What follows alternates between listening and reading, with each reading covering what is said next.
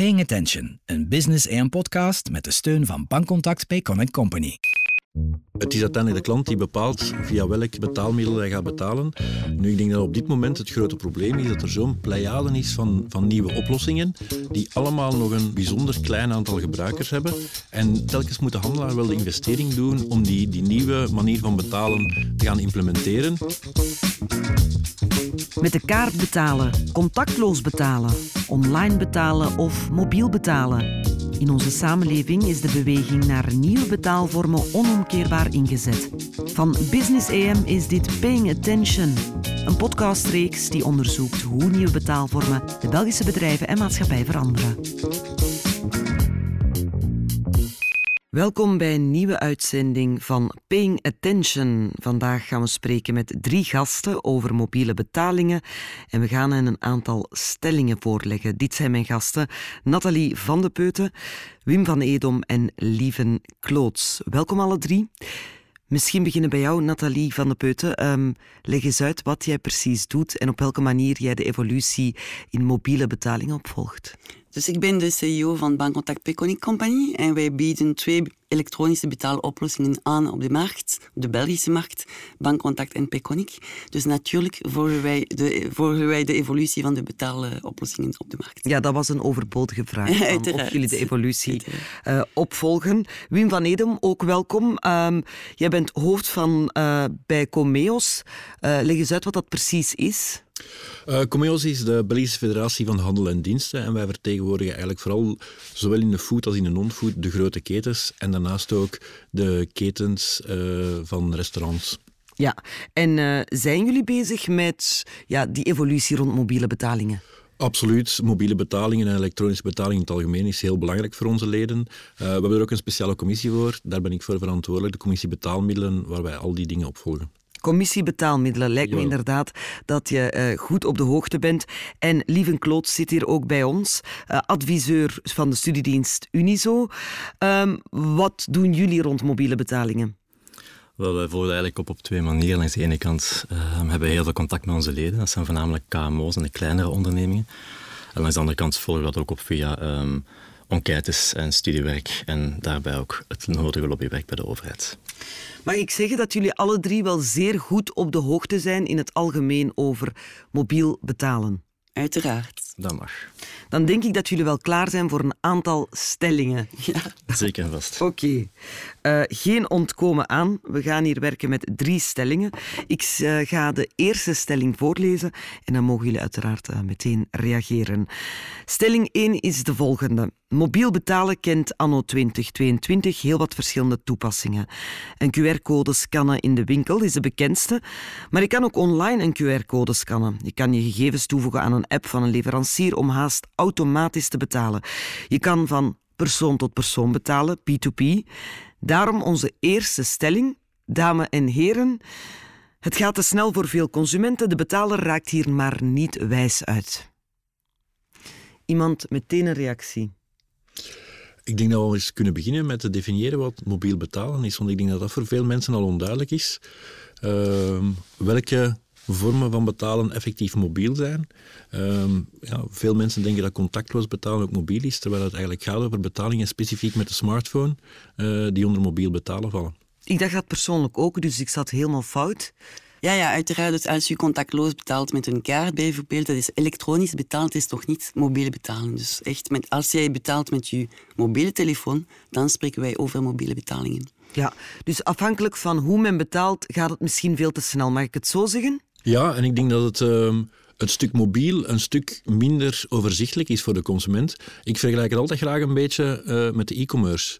Als je een nieuwe fysieke winkel opent in een winkelstraat, dan word je ontdekt omdat er nu eenmaal passage is in die winkelstraat. Van het moment dat je digitaal gaat en dat je een e-commerce shop opent, heb je geen passage, dan moet je jezelf bekendmaken. En ik denk dat het bij mobiel betalen een beetje hetzelfde is. Het is niet zichtbaar voor de mensen omdat ze geen fysiek gegeven hebben dat ze kunnen vasthouden of, of zien. En ze gaan zelf online een beetje moeten gaan zoeken waar ze bepaalde toepassingen of apps gaan vinden om die mobiele betalingen te kunnen uitvoeren.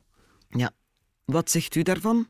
Gaat het te snel? Het is zeker een tijdje te snel gegaan. Ik denk dat als we, moeten, als we deze podcast moeten beginnen met uitleggen wat is juist mobiel betalen, dan denk ik dat het duidelijk is dat voor veel mensen ook thuis dat ze niet weten van wat houdt het allemaal juist in. En ik denk ook, om heel eerlijk te zijn, tenzij dat je ermee bezig bent, lijkt het mij heel moeilijk om top of mind vijf vormen van mobiel betalen bijvoorbeeld te kunnen opnoemen. Als je op de straat zou gaan bij consumenten en vraagt, geef mij vijf vormen van, van mobiel betalen, de kans is heel klein dat je er vijf gaat krijgen. Ik heb misschien een andere mening. dat horen we graag. Ja, ja. Ik denk dat uh, bon, we weten dat uh, gewoon dus veranderen een beetje tijd neemt. Dus we weten voor betalen specifiek dat neemt zeven jaar. Dus ik denk dat de evolutie die wij nu kennen is een beetje de evolutie die wij gekend hebben met de kaart een aantal jaren geleden, veel jaren geleden. Dus er zijn uiteraard veel mogelijkheden. Maar ik denk dat de consumenten dat petit à petit zullen ontdekken of ontdekken. En eens dat zij dat één keer gedaan hebben, dan zijn ze gewoon en zijn ze vertrokken. Dus voilà. Dat Want daar ben ik het wel volledig mee eens. En dat zie je ook in de laatste jaren. Hè. Ook sinds de invoering van de verplichting, eh, wat er in de eerste podcast ook over ging.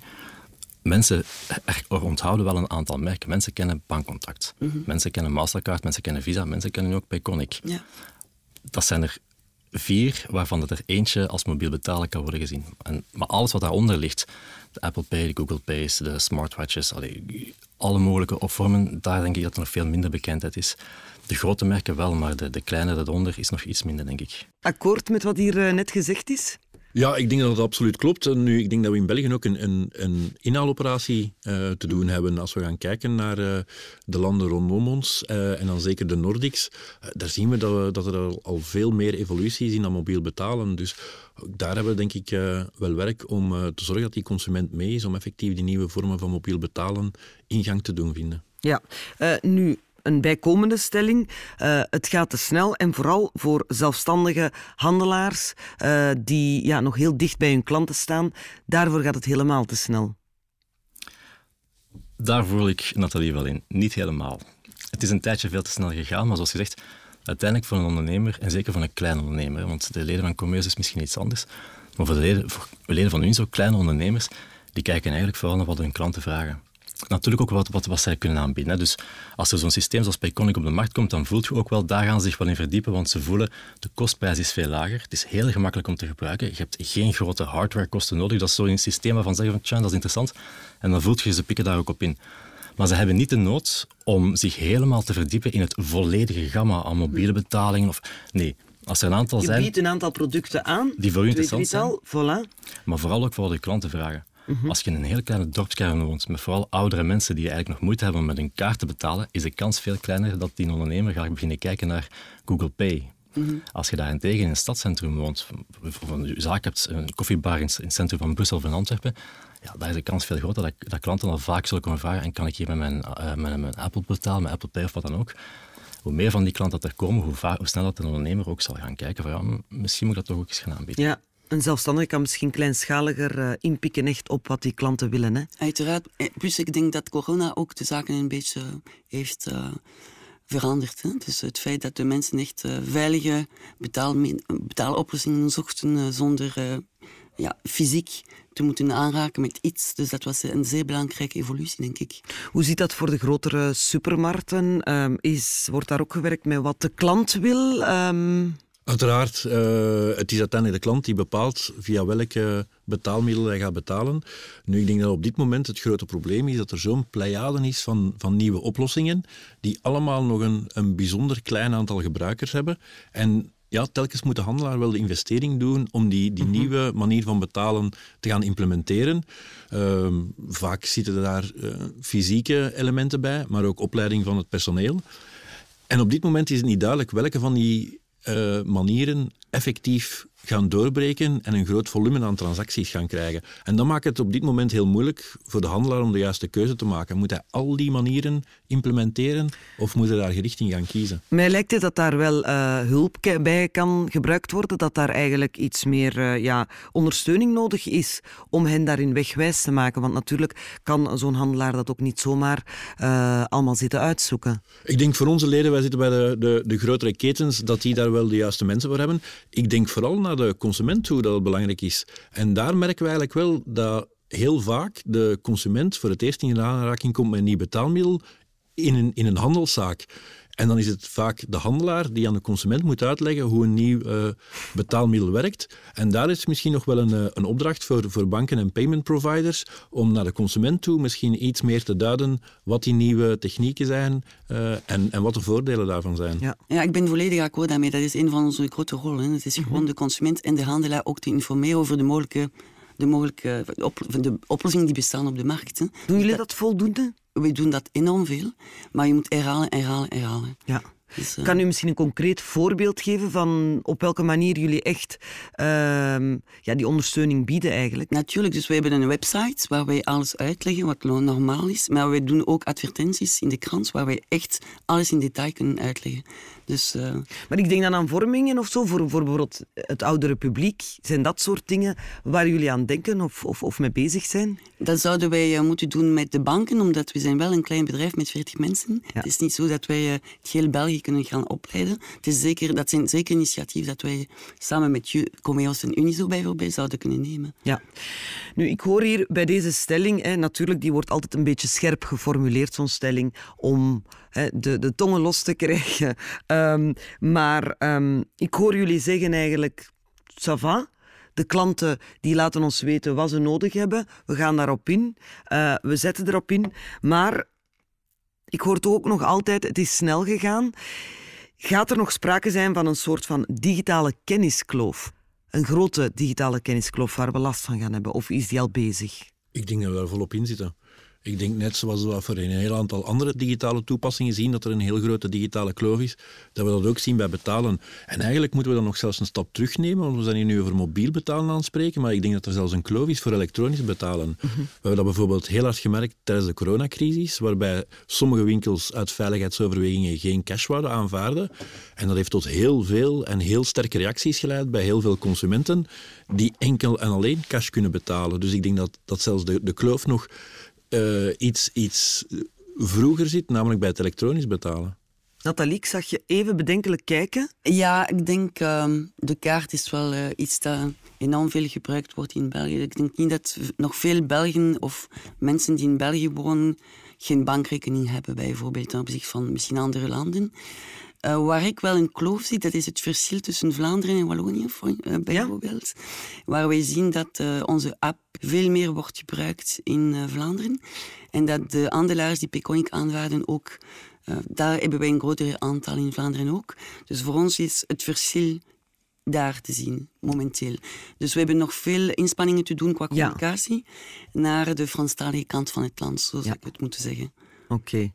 We zitten inderdaad volop in die digitale kloof. En ik volg uh, Wim ook wel voor een stuk. Want de overheid heeft trouwens ook een paar jaar geleden nog een initiatief opgezet om die digitale geletterdheid bij, en vooral bij oudere mensen ook wat meer op te kijken. Pas op, dat ging niet alleen over elektronisch betalen. Dat was ook gericht op het gebruik van de computer enzovoort. Maar ik denk dat zo'n initiatieven inderdaad wel nodig zijn. Bij ondernemers denk ik dat de digitale kloof op dat vlak iets minder is. Zij zij verdiepen zich in, in betaalmiddelen als ze willen aanbieden en dat lukt wel op, op zich. Dat is niet, denk ik niet zozeer het probleem. Ehm, de digitale kloof, als er al sprake is, is het vooral de kennis van wat is er allemaal op de markt en hoe kan ik integreren met mijn kassensystemen enzovoort. Maar op zich valt dat denk ik wel mee. En ook daar hebben, zoals Nathalie ook al aangaf, een rol als middenveld. Hè. Wij gaan naar stelling 2, als dat goed is voor jullie. Sinds 1 juni is het verplicht in een winkel minstens één elektronisch betaalmiddel aan te bieden. Handelaars die geen vaste terminal verkiezen, die komen dan vaak uit bij een mobiele betaaloplossing. En onze stelling is: de overheid had deze regel al veel eerder moeten invoeren. Ja, nee, ik zou zeggen, het is niet aan ons om, uh, om daarover iets te zeggen. Maar wat ik denk is, uh, dat is op het goede moment gekomen. Omdat met corona hebben wij wel het gedrag van de consument zien evolueren. Dus ik denk het feit dat het nu komt, is beter dan drie of vier jaar geleden. Ja, waarom? Dat vind ik wel interessant. Dus omdat dat te vroeg kunnen zijn ook. Ja, omdat ik denk dat de consument en de handelaar nu klaar daarvoor waren. Omdat, eh, zoals je zegt, met corona hebben wij wel een verandering in, in het gedrag van de consument gezien, qua betaalgewoontes. Dus voor mij is het nu het goede moment. Ja. Akkoord? Ik kan daarmee akkoord gaan. Ik denk ook op het gebied van, van technologie dat er nu meer technologie beschikbaar is dan drie jaar geleden. Uh, dat er andere systemen zijn die misschien wat lichter zijn voor uh, uh, handelaars. En dat het nu inderdaad het juiste moment is om dat in te voeren. Volmondig mee eens. Ik denk dat ze Ongelooflijk. Als dat drie jaar geleden was ingevoerd, hadden wij een, een heel grote golf van protesten gekregen, ook van onze leden. Nu is dat niet het geval en dat denk ik is niet alleen omwille van de corona, waardoor dat mensen meer vertrouwd zijn met betalingen op zich, maar ook, en uh, ja, dat mag hier ook wel gezegd worden denk ik, omwille van het opkomen van Payconic omdat we tot drie, vier, vijf jaar geleden waren wij vooral bezig met, met kaartbetalingen. En daar had je dus een terminal voor nodig en een kaarttransactiecontract en al. Dat kost relatief veel geld.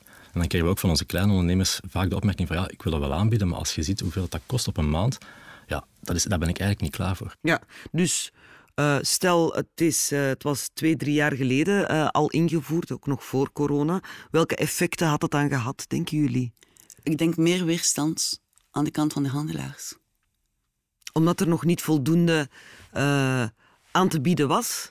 Omdat de Peconic nog niet zo gekend was, denk ik, aan, in die tijd. En dat de consument ook andere gewoontes had. Dus dat zij minder mobiel betalen enzovoort. Dus ik denk meer weerstand op de markt.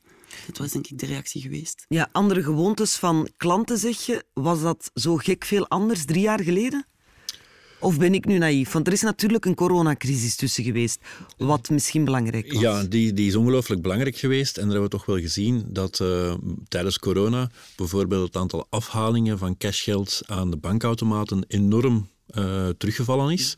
Dat is trouwens ook nooit meer terug op hetzelfde niveau gekomen als voor corona. We hebben ook gezien dat het aantal elektronische betalingen significant gestegen is. En dan vooral de contactloze betalingen. Dus er is echt wel heel veel gebeurd tijdens corona.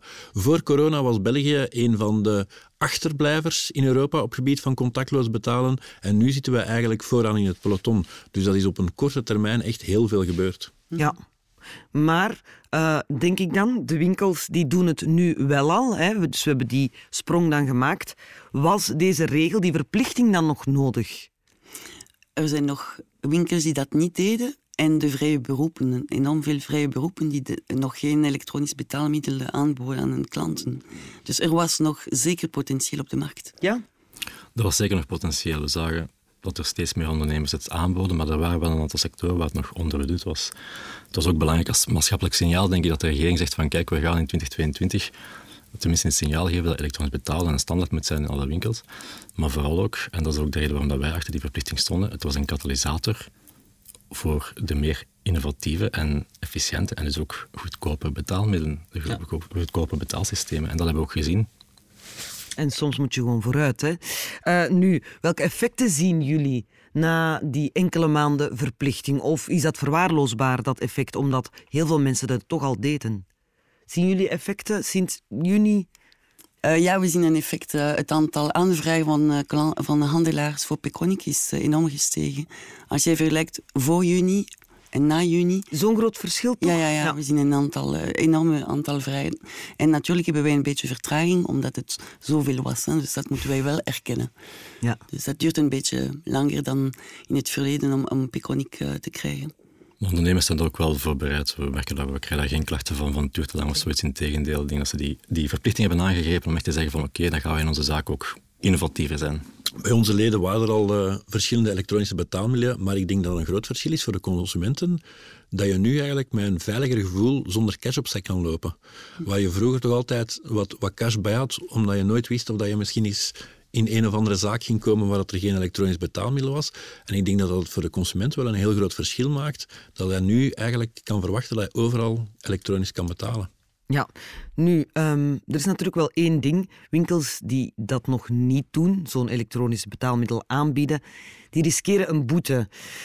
En dan vraag je af, moet dat wel, hè, dat sanctioneren vanuit de overheid, zeker voor pakweg ja, een kleine marktkramer, uh, is dat misschien toch iets te, te hard als die nog geen uh, oplossing heeft? Ik denk dat niet. Ik denk als je een verplichting invoert als overheid, dan moet je er ook een sanctie op voorzien. Ik denk dat het verschil vooral zit in de, het controlemechanisme. Wanneer uit de controles komen, kun je ervoor kiezen om van de eerste keer de hoogste boete op te leggen. Maar je kunt er even voor kiezen om te zeggen, we gaan die mensen duiding geven en we gaan uitleggen wat de mogelijkheden zijn. En dat denk ik is de piste waar we moeten op inzetten. En pas daarna, in veel later mhm. fase, effectief overgaan tot boetes. Ja, ik vind ook dat er een transitiefase moet zijn. Waar eh, enorm veel informatie wordt gegeven aan de handelaars enzovoort. En na een bepaalde tijd, oké, okay, dan... Iedereen moet aan de bak, je kan niet achterblijven. Daar komt het op neer. Ja. Inderdaad. En ik zeg het, bij onze leden was het minder relevant, omdat wij al jaren uh, elektronische betaalmiddelen hadden. Maar ik ga akkoord, als je vanuit die verplichting oplegt vanuit de overheid, dan moet er ook gesanctioneerd kunnen worden. Ja, anders is het natuurlijk geen verplichting. Hè? Goed, uh, we gaan naar onze volgende stelling. En ik kan jullie uh, uh, blij maken, want het is de laatste stelling. Jullie kunnen dan jullie meningen opbergen.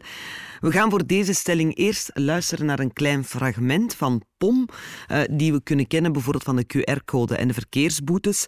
Zij leggen uit dat je vanuit mobiel betalen ook efficiëntie kan winnen in je administratieve en facturatieprocessen. Laten we eens luisteren. Mijn naam is Johannes Vermeijren en ik ben medeoprichter van POM. Samen met Tom Toté hebben we POM opgericht in 2014. Met als doel om eigenlijk documentbetalingen zo eenvoudig mogelijk te kunnen gaan maken. Dus we gaan ons eigenlijk focussen op betalingen van specifiek documenten. Documenten zijn, dat kunnen facturen zijn, maar dat kunnen uh, lidmaatschapsbijdragen zijn. Dat kunnen giften zijn, of dat kunnen ook belastingen zijn, of zelfs boetes. Uh, we zijn in 2014 gestart, dus we hebben ondertussen hebben een 1200 klanten voor wie we werken. Die 1200 klanten zitten in alle mogelijke sectoren. We werken zowel voor de overheden als voor de uh, privésector. We werken voor zowel uh, zeer grote bedrijven, zoals energiebedrijven, waterbedrijven, voor heel veel ziekenhuizen. We werken evengoed voor ja, meer dan 400 scholen die we helpen en tot 250 sportclubs. Dus iedereen die eigenlijk geld moet ontvangen van een particulier of een klein bedrijf, heeft voordeel aan onze betaalknop. POM staat voor Peace of Mind. En de Peace of Mind is iets wat we willen geven langs de twee kanten van de relatie. Er is altijd een relatie tussen degene die verkoopt en daarvoor een factuur stuurt of, of een, een, aanvraag om de, het lidmaatschap te betalen en degene die betaalt. En we willen er eigenlijk voor zorgen dat langs beide kanten dat proces van het innen van die facturen geoptimaliseerd wordt. Wat wil dat concreet zeggen? Een persoon die, die dat document krijgt, krijgt een eenvoudige QR-code erop die hij kan scannen met zijn smartphone. En waar waarbij dat, ja, alles automatisch wordt ingevuld en enkel op een knop moet duwen om te gaan betalen. Maar even zo goed gaat ervoor zorgen dat degene die het geld moet ontvangen, dat hij dat uh, zo krijgt dat eigenlijk die betaling volledig correct is en dat het eigenlijk automatisch kan verwerkt worden. En met andere woorden, dat de administratieve last die uh, die leverancier heeft, eigenlijk verminderd wordt.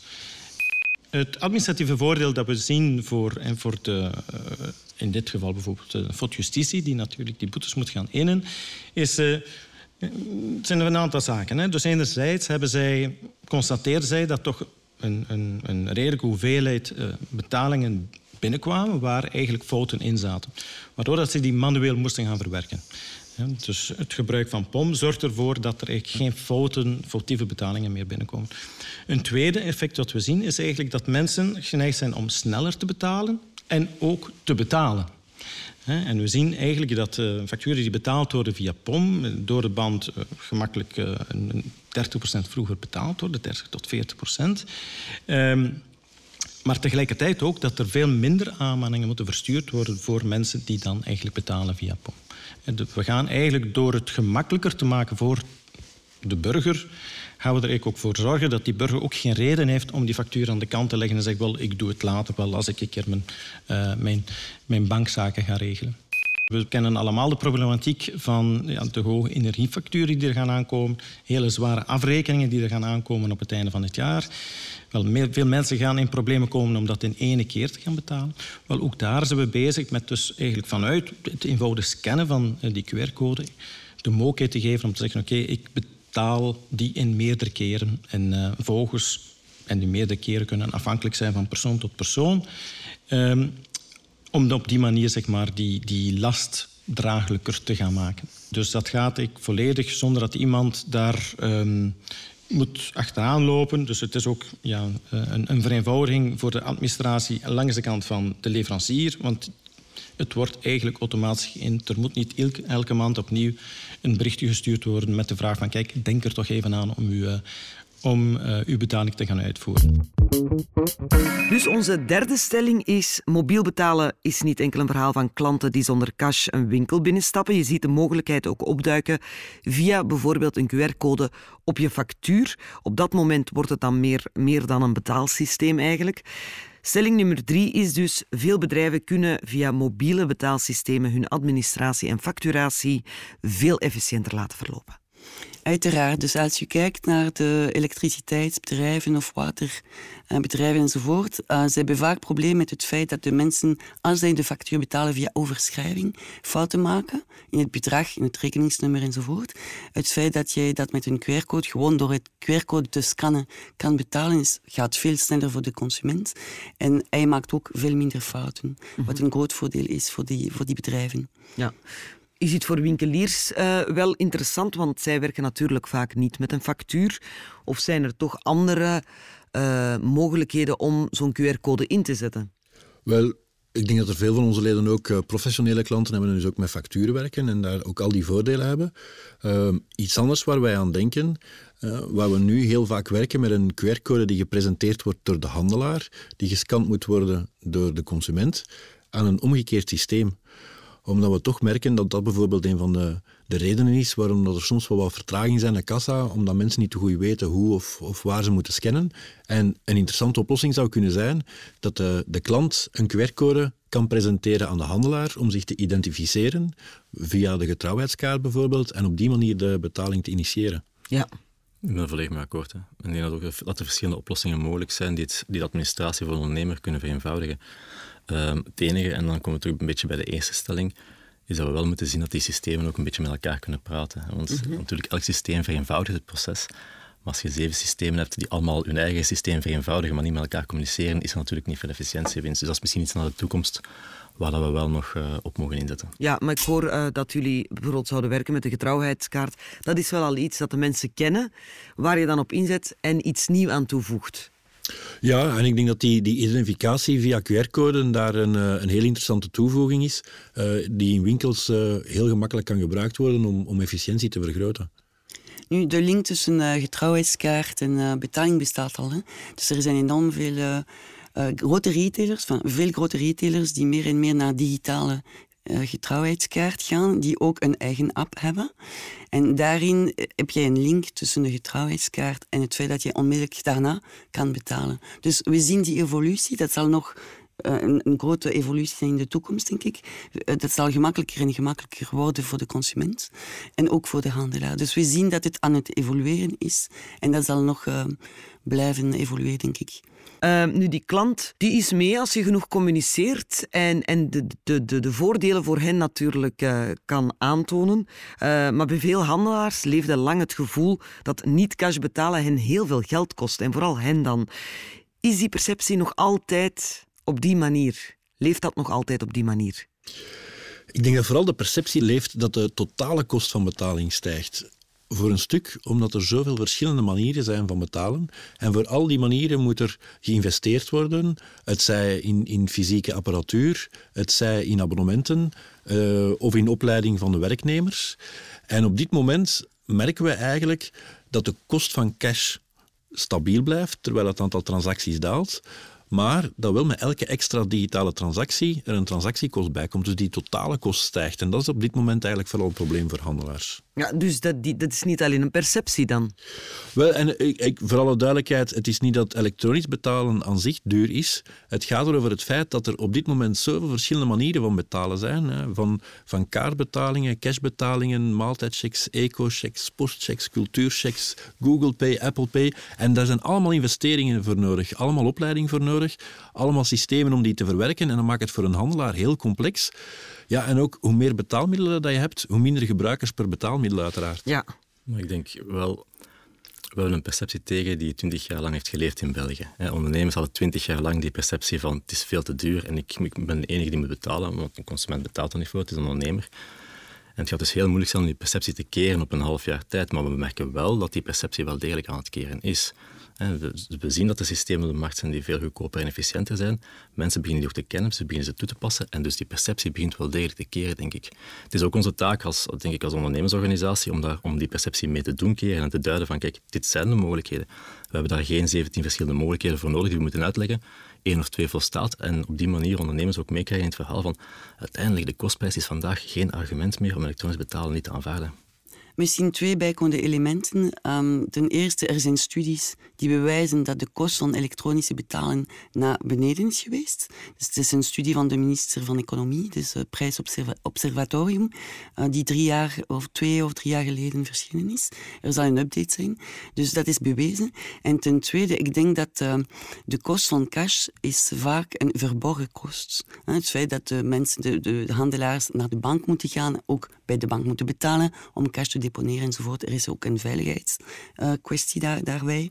Dus ik denk dat de kosten van cash soms uh, onderschat worden. Mm Tot slot misschien, ja, welke evoluties zien jullie er nu nog aankomen op dit moment? Want uh, we hebben net uh, drie stellingen uh, besproken. Er is al veel gebeurd.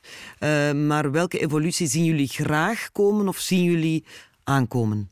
Wij zien eigenlijk vooral de evolutie naar de de, de, betaling met de apps. We merken dat er vandaag nog een heel groot deel van de mensen toch nog met een kaart betaalt. En ik denk dat dat een evolutie is die op een paar jaar ook zal veranderen. Dat binnen een paar jaar eigenlijk iedereen via die nieuwe manieren zal betalen, wat ook een goede zaak zou zijn. Dus wij willen daar graag mee op inzetten. Ik ben heel benieuwd uh, en ik durf eigenlijk niet echt een voorspelling maken. Um, maar dat mag, het blijft onder ons. Ja, maar ook al omdat, en dat is, dat is misschien toch ook nog belangrijk, ik denk dat er ook voor veel klanten op dit moment geen betaalprobleem is.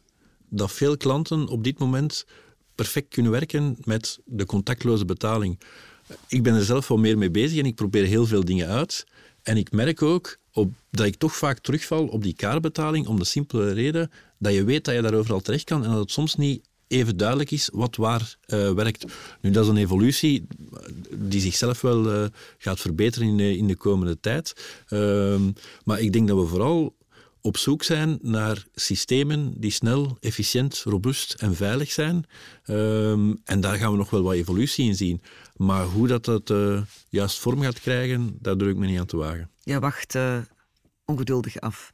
Maar ik zie drie um, grote evoluties. Ten eerste, we spreken veel vandaag over uh, fysieke winkels. Nu, er is een enorm grote evolutie op e-commerce. En dat, dat, wat wij zien is gewoon meer en meer mensen uh, op uh, e-commerce betalen met hun smartphone. Echt door een QR-code te scannen. Vandaag bij ons is het al meer dan 70% van de betalingen op internet die zo gebeuren. Dus die evolutie zal blijven. Ik ben zeker van. Dus we zullen wel rond de 90% komen, denk ik. Een tweede evolutie is wat wij uh, een beetje vroeger hebben besproken, is de link tussen getrouwheidskaart en betaling. Dat zal nog evolueren. En de derde evolutie die ik nu zie, is gewoon het feit dat je ook met je uh, maaltijdchecks enzovoort, uh, eco-checks enzovoort, ook digitaal, mobiel zal kunnen betalen. Dus we hebben een eerste stap gedaan, maar dat zal wel verder evolueren. Vandaag op uh, internet bijvoorbeeld is het zeer moeilijk om met je eco-checks te betalen. Je moet naar de winkel gaan. En die evolutie zullen wij zien in de, in de volgende maanden, zou ik zeggen. Oké, okay, dankjewel uh, alle drie. Dankjewel Nathalie van de Peuten van Bankcontact Payconic, Wim van Edom van Comeos en Lieven Kloots van Uniso. Dank om met mij drie stellingen te willen overlopen. Graag gedaan. Ja, en u, beste luisteraar, bedankt voor het beluisteren van deze podcast. We hopen dat u de nodige inspiratie heeft bezorgd om verder aan de slag te gaan met elektronisch betalen. Binnenkort komt Business EM bij u terug trouwens met een nieuwe aflevering van Paying Attention. Heel graag tot dan. Paying Attention, een Business EM podcast met de steun van Bankcontact Connect Company.